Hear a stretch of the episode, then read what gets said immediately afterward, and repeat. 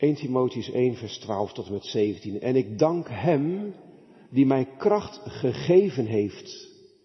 Namelijk Christus Jezus onze Heer, dat Hij mij trouw geacht heeft toen Hij een plaats gaf in de bediening. Mij die vroeger een lasteraar was, een vervolger en een verdrukker. Maar mij is barmhartigheid bewezen omdat ik het in onwetendheid gedaan heb, in ongeloof.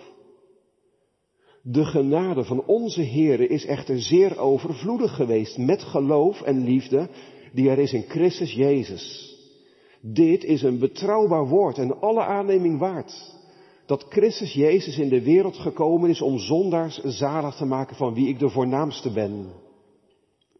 Maar daarom is mijn barmhartigheid bewezen opdat Jezus Christus in mij, de voornaamste van de zondaars, al zijn geduld zou tonen tot een voorbeeld voor hen die later in hem zouden geloven tot het eeuwige leven. De koning nu der eeuwen, de onvergankelijke, de onzichtbare, de alleen wijze God. Zij eer en heerlijkheid in alle eeuwigheid.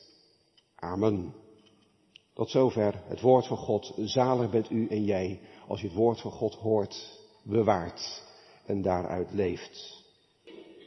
Gemeente des Heer, het woord van God, onze tekst voor deze avond, komt uit 1 Timotheus en daarvan hoofdstuk 1, vers 12 tot en met vers 17. En als kern lees ik nu vers 14 aan u en jou voor. De genade van onze Heer is echter zeer overvloedig geweest met geloof en liefde die er is in Christus Jezus. En het thema voor vanavond is genade. Het ene woord waar het ook echt om draait. Weet u het nog? De vorige keer, toen het ging over zonde, kwamen we ook bij die oudste jongen uit. Nee, nee, nee, nee, daar kan ik niet bij zijn hoor, dat wil ik echt niet. Ik mocht nooit een feestje voor mezelf bouwen. En die jongen die leeft als de bonte hond en hij komt thuis nadat hij alles er doorheen gejaagd heeft. Zijn goederen met hoeren heeft doorgebracht. Alles van u heeft hij verkwanseld. En nu komt hij thuis. En wordt hij als een vorst ontvangen. Aan uw hart gedrukt, aan uw tafel geleid, bekleed met alles wat u hem weer geeft. Die oudste jongen, die, die kon de genade van zijn vader niet meemaken. Genade. Dat zijn broer, notenbenen die zo'n leven heeft geleid, met open armen wordt ontvangen. Dat hij weer kind aan huis mag worden bij God. Dat hij krijgt dat hij niet verdient. Als je dat nou aan die jongen zou vragen. Wat zou je dan wel verdienen? En als jij nou eens een antwoord moest geven vanavond, wat zou die jongste broer wel verdienen? En als je dat een beetje lastig vindt om te bedenken, dan denkt u maar aan iemand anders. Iemand die heel veel kapot gemaakt heeft. Die een spoor in zijn leven achterlaat van, van ellende.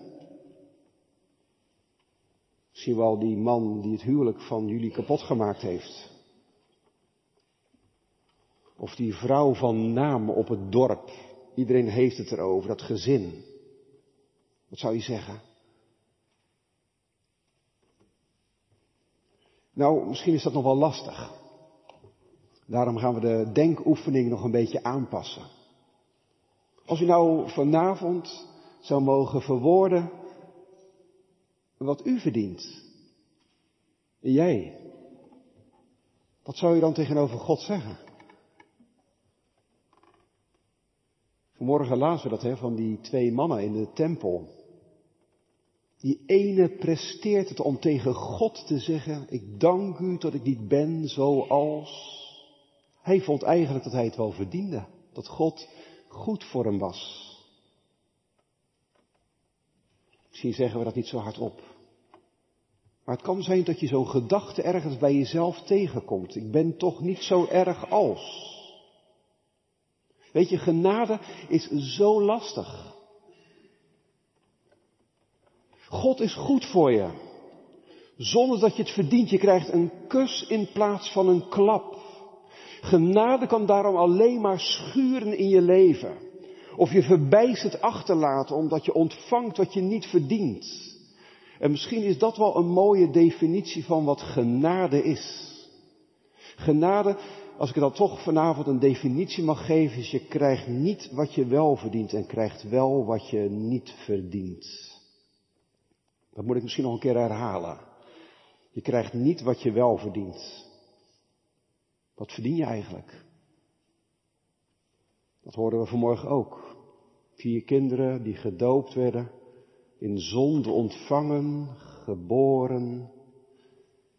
De verdoemenis van God rustte op hen. Dat krijg je dus niet als God jou genade geeft. Geen verdoemenis, maar vrijspraak. Je krijgt wel wat je niet verdient. Er is geen zondaar die tegen God kan zeggen, nou ik heb het zo gedaan als u wilde, nu moet u het mij geven. Je krijgt altijd wat je niet verdient. En dat is nou precies wat genade is. We gaan er vanavond vijf dingen over horen. Vijf dingen zo als Paulus die ons aanreikt in 1 Timotheus 1 vers 12 tot en met 17. Allereerst genade ontvang je, dat zeg ik met vers 12. Het tweede is genade is onvoorstelbaar, vers 13 en 14. Genade is reddend, vers 15.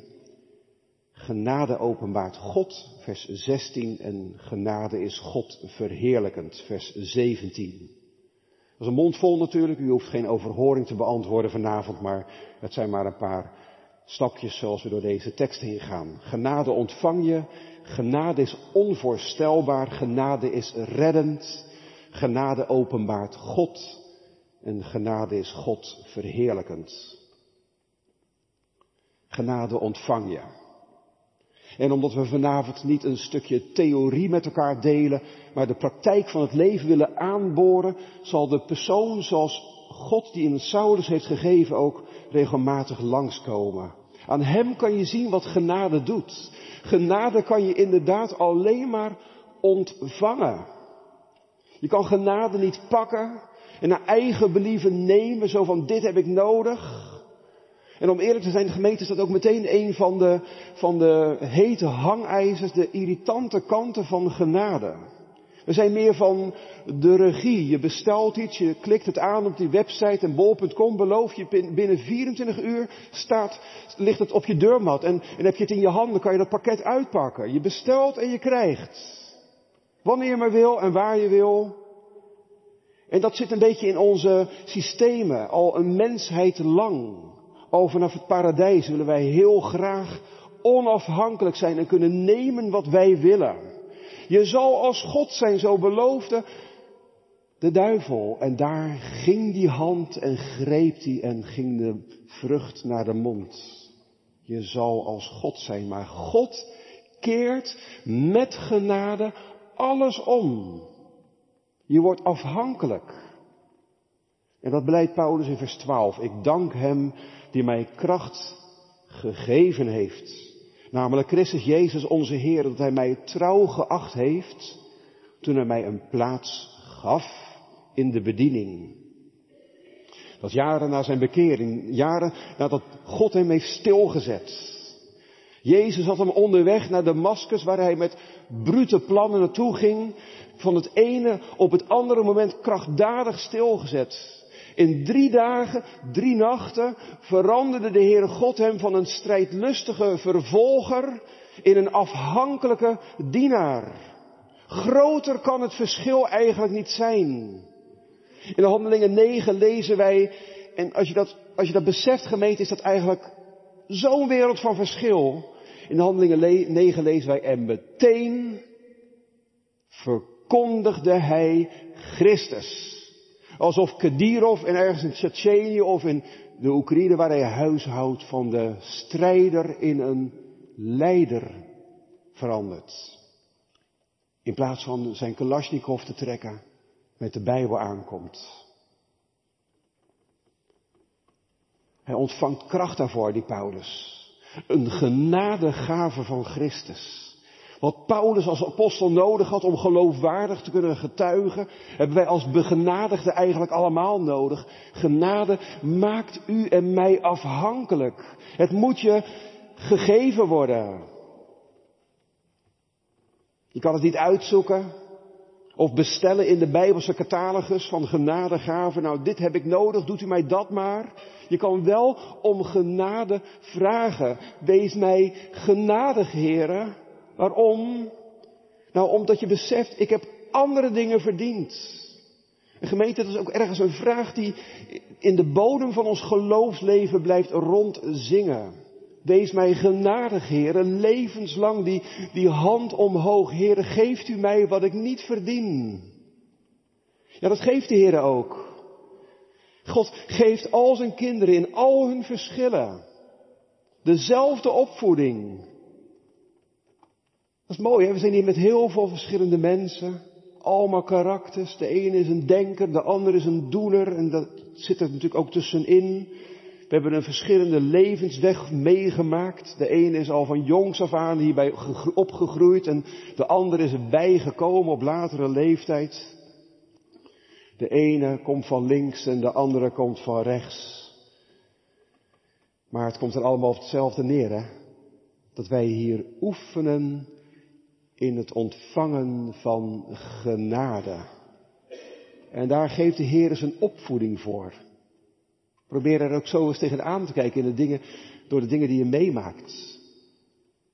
Wat wil de Heer hiermee bereiken in mijn leven? Nou, die opvoeding komt erop neer, zoals Paulus dat zelf verwoordt, dat hij uiteindelijk beseft, ik heb, ik heb iets heel lastigs in mijn leven. Ik kan daar niet, niet onderuit, het, God neemt het ook niet weg in mij. Maar ik heb wel één ding ontdekt, nadat ik drie keer heb gebeden, dat zijn genade voor mij genoeg is. Dat is de opvoeding die de Heer geeft, om je levenslang op genade te werpen. Mijn genade is voor u genoeg. Daarmee kan je het doen. Mijn kracht wordt in zwakheid volbracht. Nou, in de volgende brief wenst Paulus als zijn geestelijke zoon Timotheus toe. U dan, mijn zoon, wordt gesterkt in de genade die in Christus Jezus is. Zo gaat dat gemeente. We focussen soms wat te eenzijdig op het begin. dat je genade nodig hebt om tot geloof en bekering te komen. En dat is natuurlijk helemaal waar. En daar kan je ook heel veel aandacht op richten. Hoe gaat dat dan? En hoe werkt dat? En hoe doet God dat? In alle verschillende gemeenten krijg je dan ook heel veel verschillende antwoorden. Maar het vervolg is eigenlijk hetzelfde. De Heer oefent je, leert je om uit genade te leven. Je blijft afhankelijk. En dat is een mooi leven. Je blijft afhankelijk net zolang totdat je ophoudt om zondaar te zijn. Paulus, die dankt hier eigenlijk voor dat stukje van zijn leven. En daarna dankt hij pas voor hoe het begon. En daardoor zien we wel hoe bijzonder genade is. Als Saulus vertrekt hij met moordlustige plannen naar Damascus. Hij zal God wel eens helpen om van die lastige christenen af te komen. Hij vraagt aan de vertegenwoordigers van God op aarde, daar in Jeruzalem zitten ze, om bevoegdheden. Maar hij vroeg God niet om toestemming en instemming. Al helemaal niet om bekering en geloof of genade. Maar de Heere trekt zijn eigen plan. En van de hoge gaat het er dwars doorheen. De felle schijnwerper van Gods genade breekt er doorheen. En maakt Saulus klein en gooit hem op de grond. Caravaggio, van wie ik dat schilderij op de gemeente-app heb gedeeld, die weet dat trefzeker met zijn penseel te vangen. Hoe, hoe Saulus op de grond belandt en, en daar in de rollen helemaal omgekeerd ziet klein, gebroken. God die zo in zijn leven binnenkwam, ongevraagd en ongedacht en ongewenst.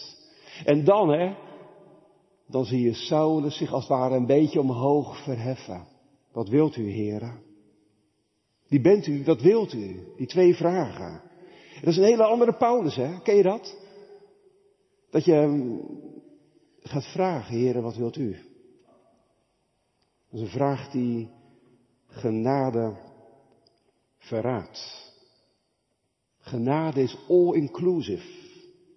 God geeft alles.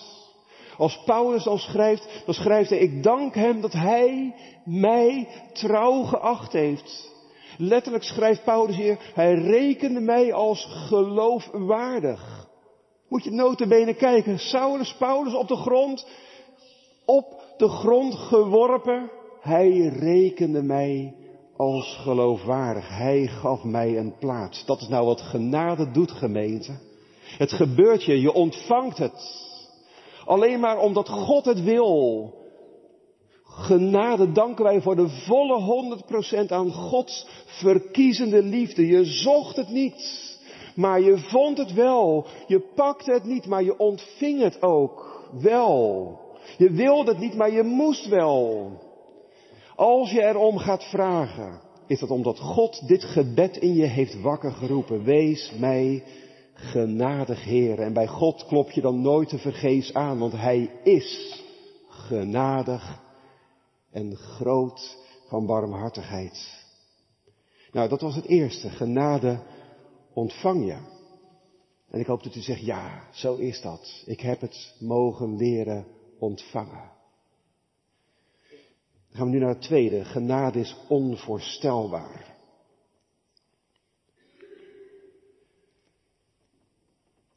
Ik kan me die reactie van die oudste jongen eigenlijk wel voorstellen. Nee, niet? Eigenlijk is het onvoorstelbaar, hè? Dat Saulus, een dienaar van Christus werd, dat die jongste broer thuis wordt onthaald, dat de Heere hun begenadigt. Om daar moeite mee te hebben gemeten, hoef je niet die oudste zoon te zijn. Als je naar Ananias gaat, in de rechte straat, en aan, aan hem vraagt, joh, wat vind jij van die Saulus? Dan zou hij tegen je zeggen, weet je wel hoeveel kwaad hij heeft aangedaan? Hij zegt dat ook tegen God. Als God hem naar Saulus toestuurt, heren, weet u niet wat hij uw heilige, uw kinderen heeft aangedaan? Je hoort er iets van de verbijstering in doorklinken. Dat kan toch niet? Dat kan toch niet? Genade is onbegrijpelijk. En dat vindt Paulus eigenlijk ook. We lezen vers 13 en 14. Mij die vroeger een godslasteraar was, een vervolger en een verdrukker. Maar mij is barmhartigheid bewezen omdat ik het in onwetendheid gedaan heb in ongeloof.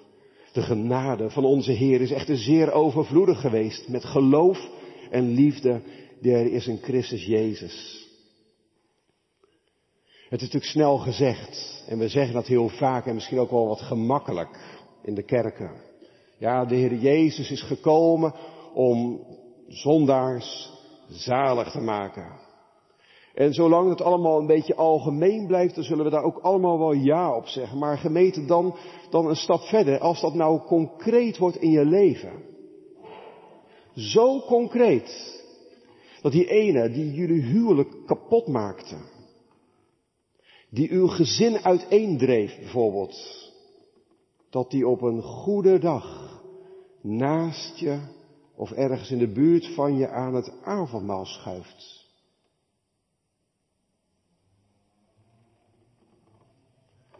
Of het krijgt gezicht in die werkgever die je verschrikkelijk bedroog. Of je ziet die mensen uit de straat die altijd liepen te vloeken. Juist wanneer je uit huis, langs hun huis naar de kerk loopt. Ik heb die verhalen wel gehoord in een vorige gemeente. Stond het raam wat open en dan gingen de GVD's langs. Als mensen zo naar de kerk daar in boven Hardingsveld liepen. Als je die mensen nou op een goede dag, ja dat is toch een goede dag, als je ze ook de kerk in ziet schuifelen. Paulus laat zijn zwarte verleden zien. Niet om de talkshow over zondaars te vullen, om te showen met, wat, met wat, wie hij was, zijn zwarte verleden, of om je het gevoel aan te praten, zo nou kijk maar naar mij, het komt wel goed, maak je geen zorgen. Al helemaal niet om, om zijn, zijn donkere verleden goed te praten of te relativeren. Nee, als hij erover begint, dan doet hij om dat te laten zien hoe onvoorstelbaar genade eigenlijk is, hoe onverdiend. God bewijst barmhartigheid. En hoe dan? Door een godslasteraar, een vervolger, een verdrukker. Drie Woorden die de intensiteit van Paulus zonde laten zien, door een godslasteraar, een vervolger, een verdrukker genade te schenken. En als je die woorden wat voor jezelf afpelt en proeft, dan wordt het alleen maar onvoorstelbaarder, onbegrijpelijker. Paulus noemt zichzelf een godslasteraar. Zonder dat hij misschien ooit een vloek heeft uitgesproken. Je kan blijkbaar ook door je gedrag God lasteren. Dat is een uh, diehard Jood. Een Jood zal nooit de heilige naam van de Heere lasteren, maar dat kan dus ook door je gedrag. Hij vervolgde als een Joodse fundamentalist, een IS-strijder van het type 0.0, de gemeente Gods. Jezus zet hem daarmee, daarin stil. Sal, waarom vervolg je mij? Hij heeft mensen de dood ingejaagd, hij heeft bloed aan zijn hand. En hij noemt zich ook een verdrukker. Dat is niet meer van hetzelfde. Het is eigenlijk ook niet goed vertaald. Paulus gebruikt hier het woordje hubris, van hoogmoed. In al zijn vroomheid heeft hij zijn borst breed gemaakt, zijn rug recht gehouden tegenover God. Iemand die zijn eigen ruimte pakt, zijn eigen plan trekt.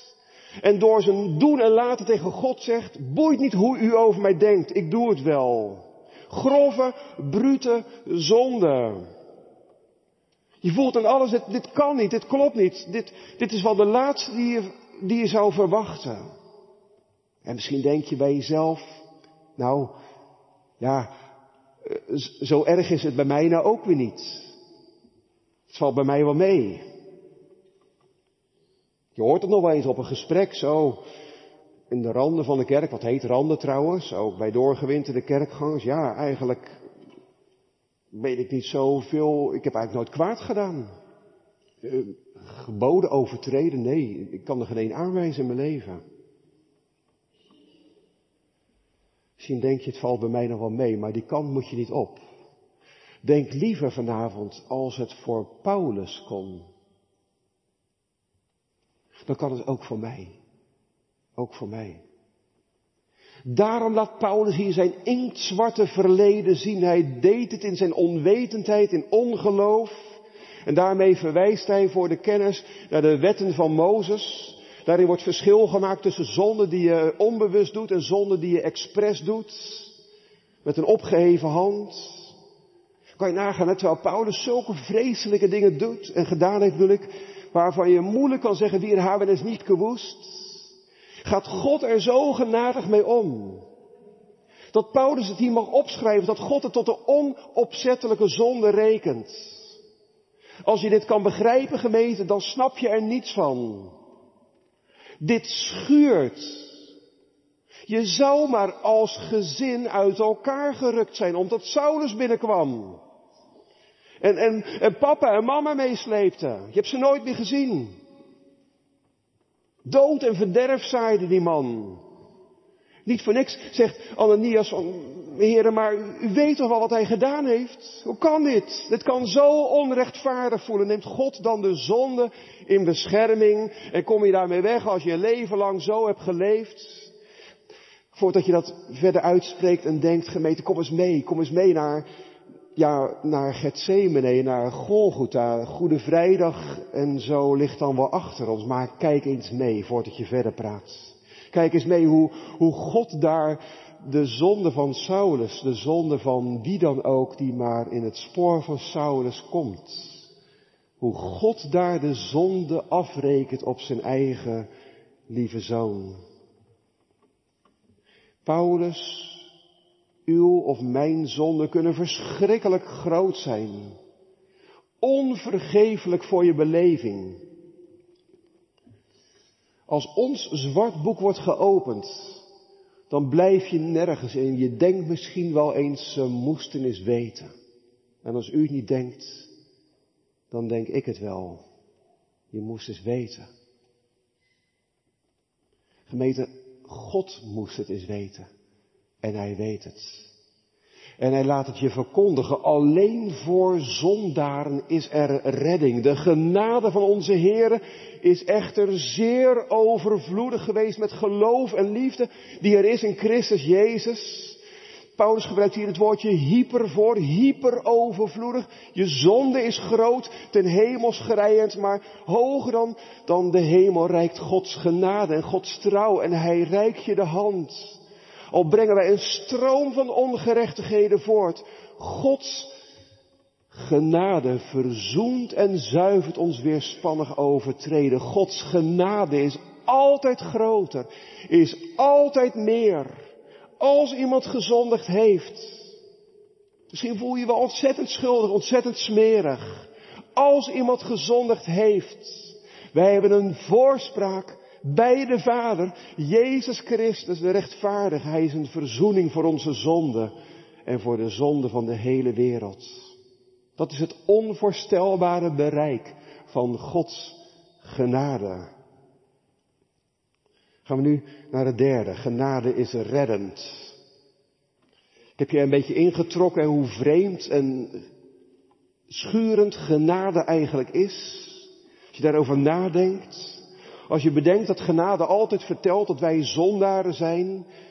Dat is voor ons maar lastig te verteren, zodat je eigenlijk genade en allerlei menselijke eigenschappen en voorwaarden verbindt. Als ik maar een goed mens ben, als ik maar aan alle eisen voldoe. Daarom is het ook mooi gemeten dat we vanmorgen ook bij die drie voorvallen, die drie houdingen stilstonden. Die fariseer en de tollenaar, die bedweterige discipel en dat kind. Die rijke jonge man met al zijn goede werken en discipelen die alles hebben verlaten. Het zit ergens ook wel heel diep in ons denken. Je moet iets zijn, je moet iets betekenen. Als je maar aan allerlei eisen voldoet, als je het verhaal maar kan vertellen wat, wat, wat, wat erbij hoort. Zo kan je dat soms in een kerkelijke kring ook zijn ingepeperd. Als je dan aan al die voorwaarden voldoet, dan is genade ook voor jou. Maar gemeente, zet er vanavond een kruis door. En luister naar wat Paulus hier in vers 15 zegt. Dit is een betrouwbaar woord en alle aanneming waardig dat Christus Jezus in de wereld gekomen is om zondaars zalig te maken, van wie ik de voornaamste ben. Alleen genade redt. Paulus zegt, neem het nou van mij aan. Christus Jezus is in de wereld gekomen om zondaren zalig te maken. Wat ik, Paulus, hier schrijf, met mijn hand, is betrouwbaar woord. Een uitspraak van Gods wegen, gezaghebbend, heilige schrift. Zou hij, Paulus, juist niet als, als de kenner bij uitstek niet hebben aangevoeld hoe, hoe ontzettend moeilijk dit kan zijn? Die Jood die, die eigenlijk overal een vinkje achter kon zetten, dit heb ik gedaan, dat heb ik onderhouden vanaf mijn jeugd. Zou hij niet hebben aangevoeld hoe, ontzettend diep dat in ons systeem zit? Dat het voor onze beleving veel te gemakkelijk kan zijn. Als je niet aan allerlei criteria moet voldoen. De houding van de oudste zoon zit diep in ons systeem. Heb ik dit, dan ben ik zo. In Filippenzen 3 vertelt Paulus er ook iets van hoe hij daar vroeger over dacht. Ik ben besneden op de achtste dag. Vinkje. Ik ben uit het geslacht van Israël, ook een vinkje op de goede plek. Van de stam Benjamin nog wel, moet je nagaan. Klein maar fijn, nog een vinkje. Wat de wet betreft, een fariseer, nog een vinkje. Hij telt op hoor. Wat ijver betreft, een vervolger van de gemeente, dat is een, dat is een dubbele. Wat de rechtvaardigheid betreft, die in de wet is onberispelijk. Nou, gaat u er maar aan staan. Hij kan overal zo een vinkje zetten. Dit heb ik, dat heb ik. Als ik dit heb, dan. Maar zie je wat hij nu doet? Hij zet het in één keer bij, dat we gisteren eigenlijk moeten doen, bij de overige afval. Bij het grof vuil. De vuilnis. Genade brengt u en mij in onbalans. Alles van ons stelt niet mee. En maakt de schade alleen maar erger, maakt ons alleen maar smeriger. Dat is de ergernis die het kruis oproept. De ergernis die ons, die ons vertelt dat je je eigenlijk wel comfortabel voelde bij hoe je het kon redden zonder genade. Als je het zelf maar in de hand de regie hebt. Dat je eigenlijk wel een goede vond voor God. God moet wel ergens blij met je zijn. Laat nou Jezus nou de grootste moeite hebben met mensen die dachten hun godsdienstige zaakjes aardig op orde te hebben. En dan kom je uit bij die twee mensen in de tempel. O God, ik dank u dat ik niet ben. En die andere, ergens achter een pilaar staat hij. O God, wees mij zondaar genadig. We weten hoe het verder gaat. Genade, gemeente, is om zondaars te redden. Dat is het ultieme doel van Jezus' komst op aarde. Het zijn Jezus' eigen woorden bij Zacchaeus. Waar mensen hem niet hadden gedacht. Zeker niet aan zijn tafel. Want de zoon des mensen is gekomen om te zoeken en zalig te maken wat verloren is. Voor genade gemeente kan je nooit te schuldig zijn of te veel, te erg hebben gezondigd. Dat is wat de duivel je dolgraag wil laten geloven. Voor jou kan het niet meer. En het andere wat hij ook heel graag in uw systeem wil hebben, is dat je er eigenlijk goed genoeg of zelfs te goed voor voelt. Als het voor ons maar in balans is. En dat kan nou juist niet met genade. Die slaat je uit je stuk. Zodat je Christus vastgrijpt en hem overhoudt. Die slaat alle evenwicht uit ons weg. Je kan het niet verdienen, alleen maar ontvangen. Vastgrijpen. Paulus zegt hier, hij is gekomen om, om zondaar zalig te maken, van wie ik de voornaamste ben.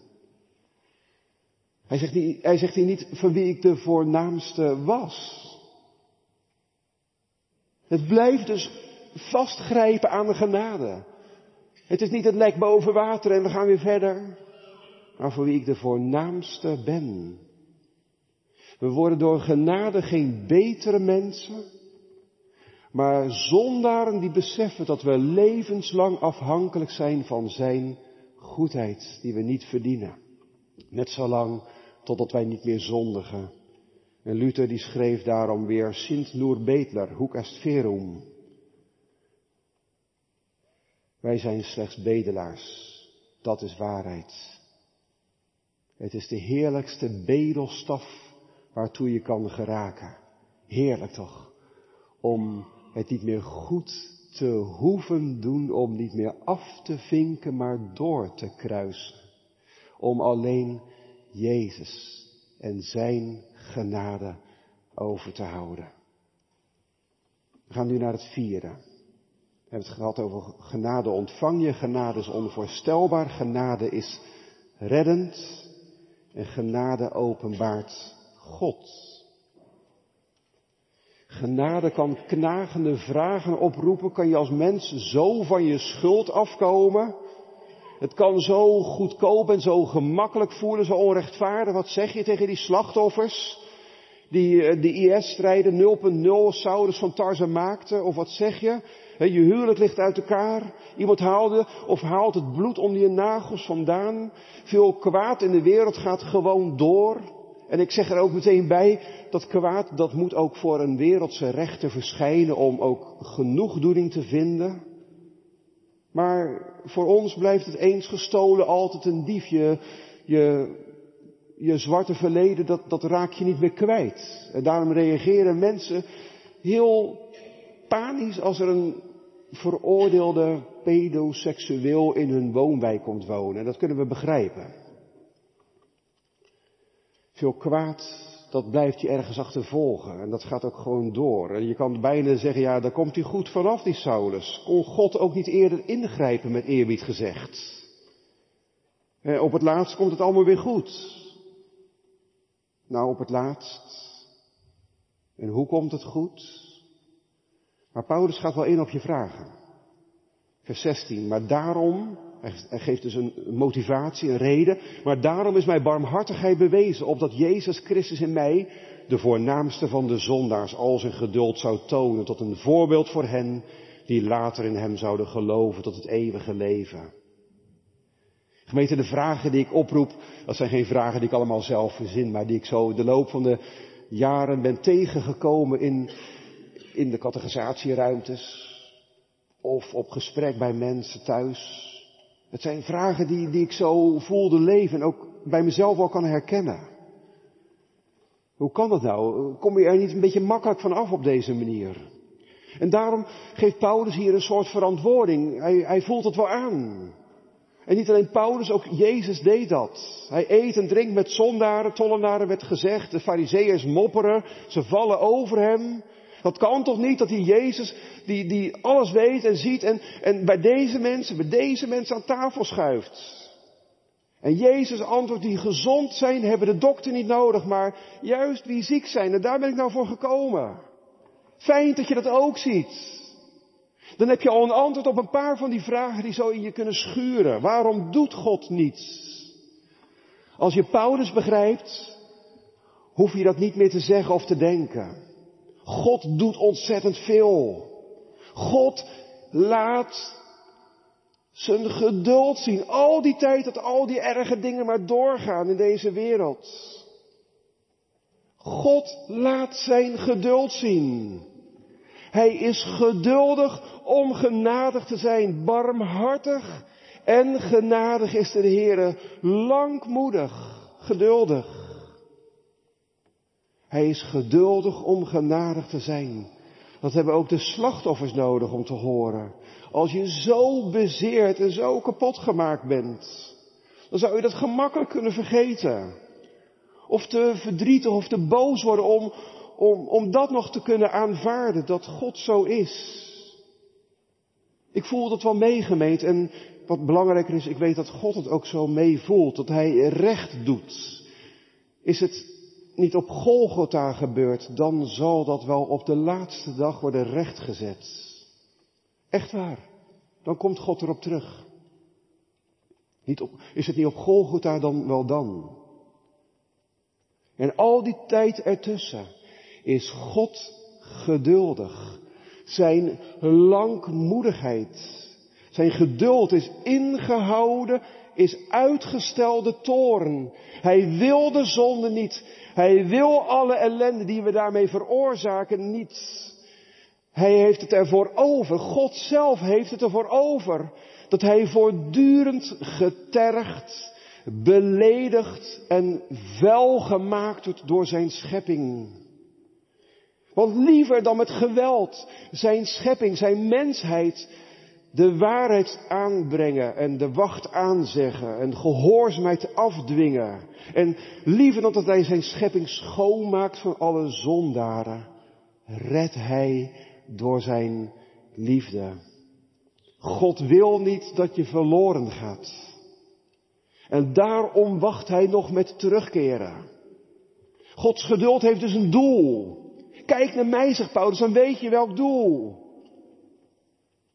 Zou je dat ook durven te zeggen, gemeente, zo in het klein in je eigen kring? Kijk naar mij, dan zie je welk doel God heeft. Ik ben een voorbeeld. Ik ben een voorbeeld voor allen die later zullen geloven in Christus. Ten eeuwige leven. Als Hij, Christus zelfs, deze mens wil aanvaarden.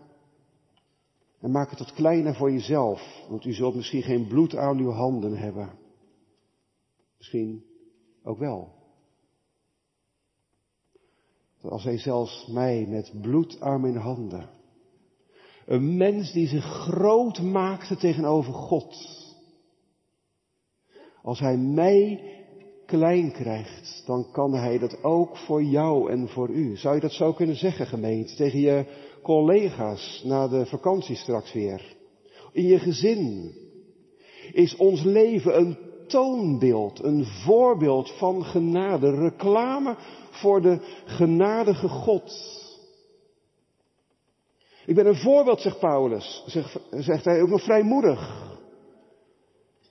Niet het voorbeeld in de zin van, en zo als Paulus tot geloof en bekering kwam, zo moet het ook bij u verlopen. Exact volgens deze stappen, eerst dit en dan dat, en dan kan je weer die vinkjes zetten. Nee, dat is niet de bedoeling van deze woorden.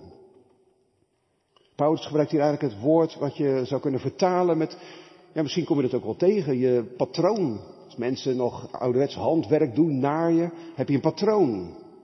Als u achter uw CAD-CAM systeem zit en een ingewikkelde constructie bedenkt dat dat apparaat wat uit uw machine moet komen, zie je dat zo in 3D op je scherm verschijnen.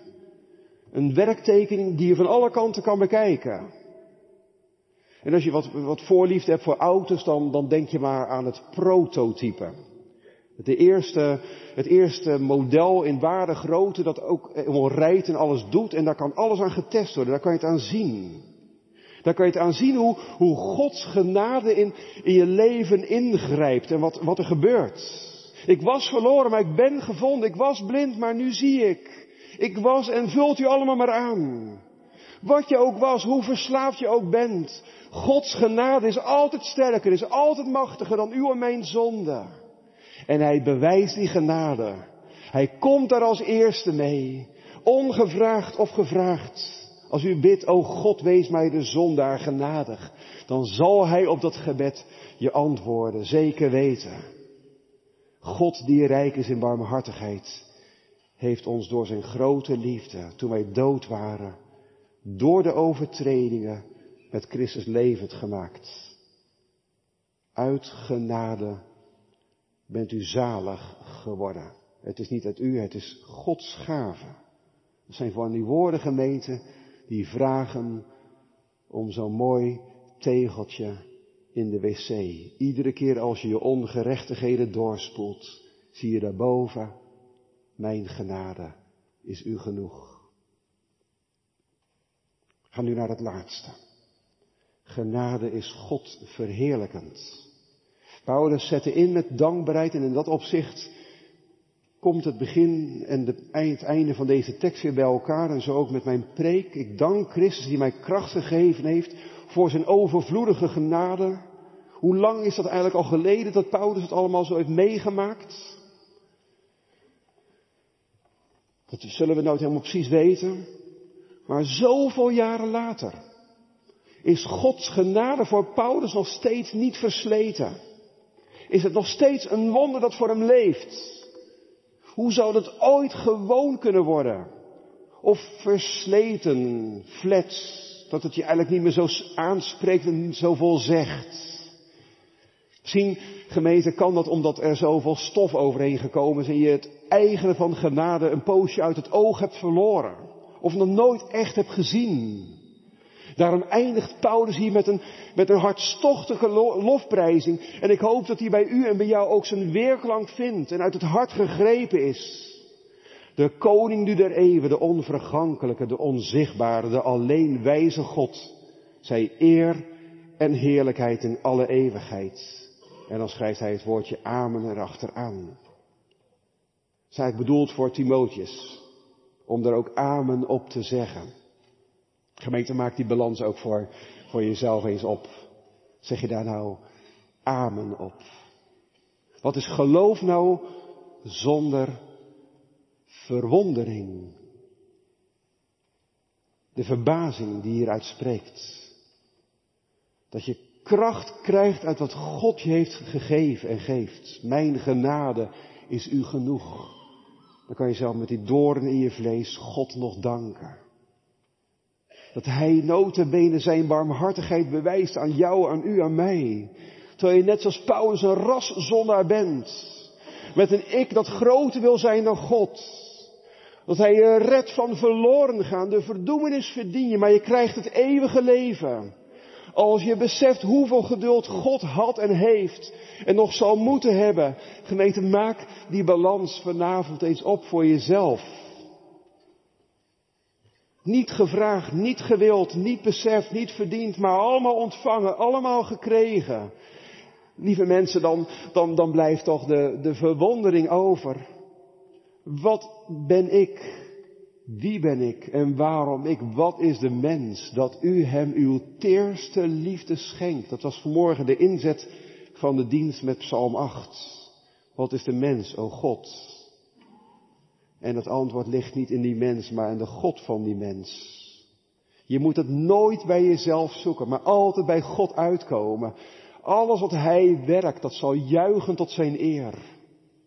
En die eer stond door onze zonde op het spel. De duivel die wilde God van zijn eer beroven, maar God laat zijn eer niet stelen. Het is tot zijn eer om zondaars te redden, om je in zijn heerlijkheid op te nemen. Gemeente, deze medaille heeft ook een andere kant.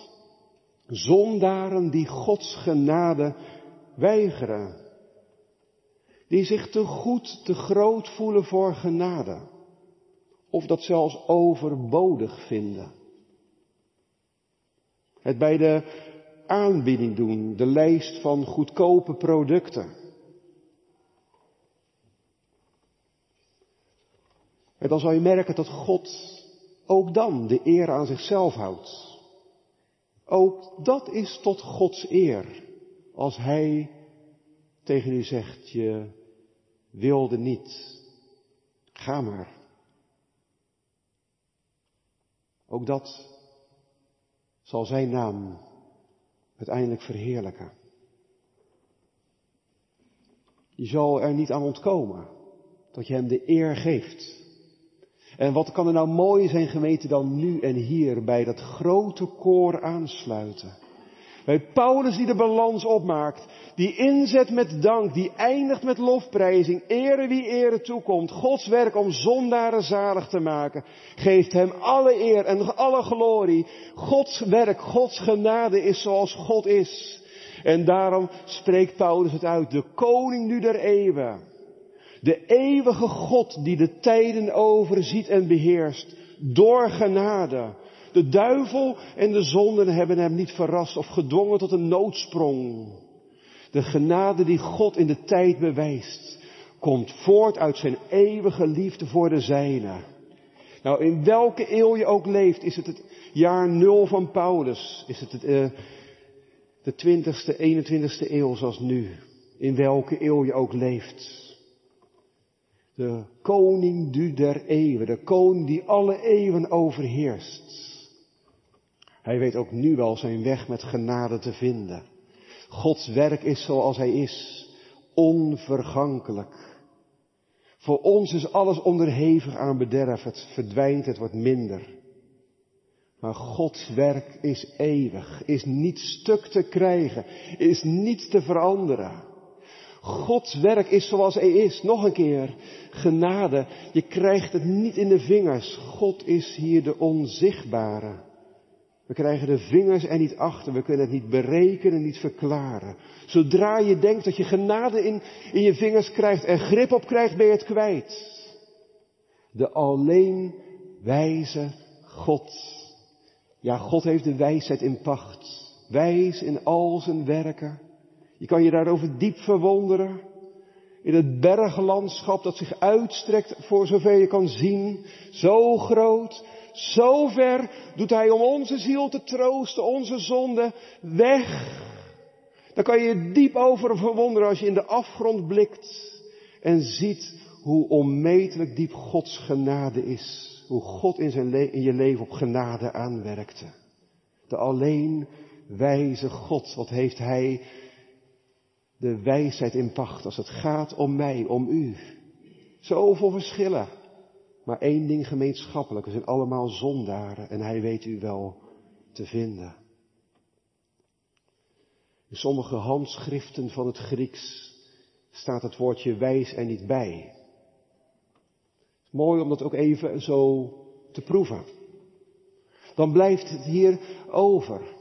De enige God niet de alleen wijze, maar de God die alleen God is. De one and only. God en God alleen. Er is geen ander. Hij alleen is het waard om te ontvangen de lof, de eer en de heerlijkheid, de aanbidding en de kracht en de dankzegging tot in alle eeuwigheid. De God van alle genade, die ons tot zijn eeuwige heerlijkheid in Christus Jezus heeft geroepen. Hij komt alle eer toe. En daarom eindig ik mijn verkondiging met Soli Deo Gloria. En nodig ik u uit om het in te stemmen. Met mond en hart gelooft zijn God die zijn genade aan mij heeft groot gemaakt. Amen.